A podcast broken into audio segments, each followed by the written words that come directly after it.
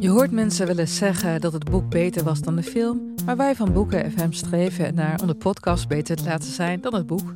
Wij lezen de klassiekers die je nog niet gelezen hebt. We lezen de boeken die je heel graag wil lezen, maar waar je eigenlijk voor schaamt om in het publiek mee gezien te worden. We lezen de Libris-winnaars. Uh, we praten over de Nobelprijslariaten. Allemaal zoals je een etentje hebt dat je moeiteloos mee kan praten en dat het lijkt alsof je helemaal belezen bent. Wij zijn Ellen, Joost en Charlotte van Boeken FM en je kunt ons luisteren in je favoriete podcast-app.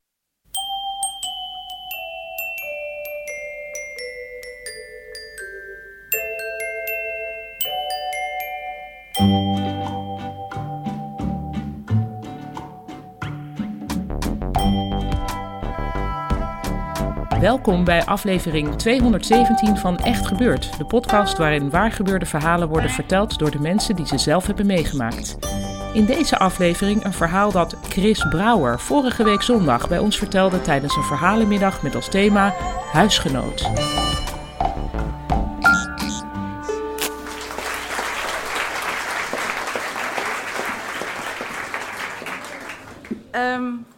Was uh, een jaar geleden dat mijn uh, man en ik ons eerste koophuis kochten. En uh, we vonden dat echt doodeng. Want we hadden daarvoor best wel veel in het buitenland gewoond. vier jaar in Amerika en ook nog in België.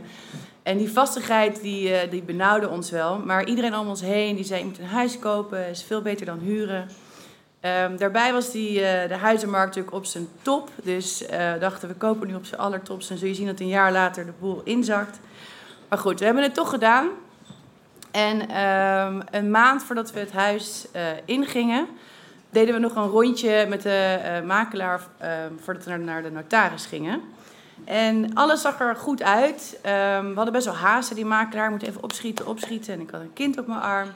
En het zag er allemaal goed uit, maar de badkamer deden we open en daar, daar hing een beetje een, een rare lucht. En ja, die, uh, die makelaar zei, oh, dat, dat zou wel een kat zijn. Die heeft er vast al geplast. Dus wij dachten, hebben die mensen hadden die voor ons, hadden die nou een kat? Maar goed, we waren, moesten haasten, haasten, haasten. Dus wij naar notaris en, uh, en daar niet meer over nagedacht. Nou, die vorige mensen die hebben een maand lang niet in dat huis gezeten. Die waren er al uit. En um, toen gingen wij een maand later gingen we daar naartoe verhuizen. Dus alle meubels kwamen naar binnen van die grote bonky Amerikaanse meubels die niet passen in zo'n klein huis. Maar um, alles stond erin en we waren nog niet naar de badkamer gegaan. Want uh, ja, daar waren helemaal geen kasten of iets. Dus hadden we gelaten. Aan het einde van de dag deden we die deur open van die badkamer. En we vielen echt stel en stel achterover. Het was zo ontzettend vies. Het is met niks te vergelijken, maar als ik het ga proberen, lijkt het alsof er twintig katten hebben zitten plassen in een hele kleine ruimte. Met de verwarming op, op 100. En maandenlang heeft dat daar zo stilgestaan. Dus wij dachten, nou, wat is dit? Wat hebben we nu weer? Uh, wat hebben we nu? En in die tuinen van die huizen, daar waren best wel veel katten. Dus ik dacht, nou, misschien zit er toch een kat. Of weet je, heeft er een raam open gestaan. Ik weet het niet. Um, dus wij dachten, nou, dan gaan we een schoonmaakdienst gaan we erbij halen. Het was in het weekend, het was lastig om iemand te vinden. En toen kwam er een vrouwtje binnen en um, nou ja, die zei, oh, geen probleem, dit, uh, dit los ik zo op. Um, dus we vroegen aan haar om dan wel de deur dicht te doen als ze ging schoonmaken. Omdat het zo'n vieze lucht was en anders rook het hele huis naar. Dus die vrouw is drie uur bezig geweest. En um, toen ze wegging was het gewoon eigenlijk weg. Dus wij dachten, top, fijn, oh, gelukkig, het was een kat. Nou, twintig minuten later doen we weer die deur open. En wederom, we vallen stel achterover van die lucht. Het was nou, niet te doen. Het was een hele warme zomer ook. En um, dus we konden die, badkamer helemaal niet echt gebruiken. Nou, toen moesten we op zoek naar een oplossing. En wat, wat was het nou? En uh, we dachten dan echt, oké, dat zijn dan, dan dode dieren. Dus dan hebben we wat dode dieren als, als huisgenoten. Dus ik ging de gemeente bellen en uh, die zeiden van, wat is uw naam? Nou, ik gaf mijn naam. En wat is uw adres? Ik gaf mijn adres. Oh, ja, nee, we zijn echt heel vaak bij jullie geweest afgelopen jaar. Zo'n tien keer of zo. Oh, en de jaren daarvoor? Ja, ook, ook echt heel vaak. Dus ik dacht, oh nee, wat wat nu? er waren twee dingen die in mijn hoofd omgingen. Um, want wat was het nou? Ze zeiden, jullie hebben ratten. Dus het waren geen muizen, maar het waren ratten. Dus dat waren onze huisgenoten. En toen aan de telefoon dacht ik dus twee dingen. Aan de ene kant dacht ik, shit, ik heb een huis met allemaal ratten. En aan de andere kant dacht ik, ik heb bewijs voor die mensen die hiervoor hebben gewoond. Want die hebben um, op het formulier waar je al die dingen moet invullen, hoe je huis en welke staat het is, die hebben het blokje nee aangevinkt bij ongedierte. Dus het was blijdschap, maar ook wel heel erg unhappiness. Ehm, nou, de gemeente zei, we komen langs en dan zetten we een doosje neer op bepaalde plekken. En dan kunnen we drie dagen later kijken of uh, daar is van, van is gegeten. En dan kunnen we zien dat je inderdaad echt weer ratten hebt. dacht ik, nou, dat is niet heel erg uh, effectief. Ik weet niet of we daar die geur ermee weghalen. Maar goed, dat gebeurde en dat ging zo twee weken lang door. Ondertussen sliepen we hebben een matras uh, in een hele andere kamer. want die badkamer lag tegenover onze slaapkamer. Het is in een souterrain beneden aan de straatkant. Um, nou, dus dat had totaal geen zin wat die gemeente deed. En um, toen dacht ik van oké, ik moet iets anders gaan doen. Dus ik ben alle rattenvangers van de stad gaan bellen. Ik had een schriftje met ratten erop. En ik weet ook alles nu over ratten. Alles, alles. En ze zijn zo ontzettend vies. En uh, nou goed, ik belde elke rattenvanger. En iedereen zei, ja, ik kan ze wel voor je gaan uh, weghalen. Maar we gaan niet slopen in je huis. Dat moet je echt zelf doen. Dus toen dacht ik, maar dan moet ik zelf mijn eigen nieuwe huis kapot maken. En waar, ik weet het niet. Totdat ik één bedrijfje vond die uh, wel wilde slopen. Dus de volgende dag kwam, uh, kwam Ricky, die belde aan.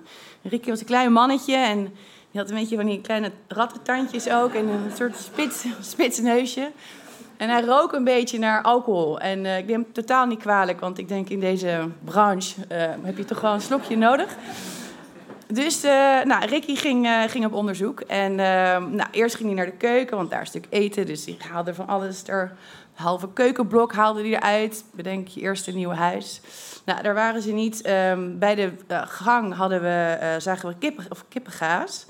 Dus daar was ooit al geprobeerd om daar de ratten buiten te houden. Dus hij ging met een, met een bel mijn hele gang open hakken. Nee, waren ze ook niet. Nou, en uh, toen dacht ik, we gaan, de badkamer wil ik nog even voor je sparen. We gaan wel even buiten kijken. Dus daar ging hij allemaal tegels van de straat halen. En daar zagen we een riool ons huis ingaan. En daar zit zo'n dop op en die draaide die open. En daar zag hij de allereerste dode rat. Dus um, uh, wat bleek, we hadden een riool, ging dus zo ons huis in. En dan in de plafond van de badkamer die daar beneden is. Uh, dus hij zei, oké, we moeten nu echt, echt gaan slopen in, uh, in de badkamer.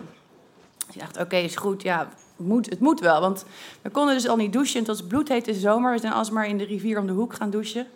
Uh, waar blijkbaar allemaal ratten zwemmen. Dus ook niet helemaal een succes. Um, maar goed, we gingen naar beneden en hij zei... Uh, um, kan je mij filmen? Want ik vind dit wel spannend. Dus ik zo, is goed Ricky, als je wil film. Helemaal prima. Maar het stonk daar zo enorm, dus ik had twee mondkapjes voor, voor ons beiden gekocht. Maar Ricky had het niet nodig. En Ricky had ook een heel naar hoesje. Ik denk dat hij... Ja, nou, dus ik stond daar met mijn met mijn uh, uh, mondkapje op. En ik was hem aan het filmen. En hij klimt de ladder op. En hij begint met een hakbel die achterste muur eruit te timmeren. Zo'n groot gat. En hij kijkt met zijn zaklamp. Nou, kan niks vinden. Nou, weer de ladder opzij. En uh, tweede gat maken. En hij ging weer met zijn zaklamp. En hij zei: Oh ja, daar is de eerste dode rat. De eerste dode rat. Volgens mij zit de vader. Dus ik dacht: Oké, we hebben vader rat hebben te pakken. En die was gelukkig dood. Uh, en ik zei, wat, wat is dit? Wat, wat is het voor rat? Hij zei, dit is de maat van een kat, heeft deze rat. Dus ik dacht, oh nee, ik heb gewoon een huis met ratten, de maat van een kat. Um, vervolgens ging hij met zijn zaklamp naar rechts en hoor ik echt het allerraarste, naarste geluid. Een heel hard gestis, gewoon shh. Oh, en ik, ik had het niet meer. En, en Ricky ook niet. En die Ricky viel, viel viel van die ladder af, langs mij heen. Ik nog met camera. En ik dacht, shit, ik moet hier ook weg uit deze badkamer waar ratten er zijn van de maat van een kat. We gingen naar boven en Ricky zei, oh, ik sta helemaal onder de adrenaline. Ja, ze, ze, ze, ze bijten je zo in je aorta en dan lig ik zo in het ziekenhuis. En uh, ik dacht, jezus, wat heb ik hier nu? En, uh, maar goed, dus uh, Ricky zei, ja, dit is de mama, de mama-rat. En ik zie allemaal nog kinderen daar we gaan ze aanpakken. En toen dacht ik even, wacht even, een mama en een papa. Ik ben een enorme dierenvriend.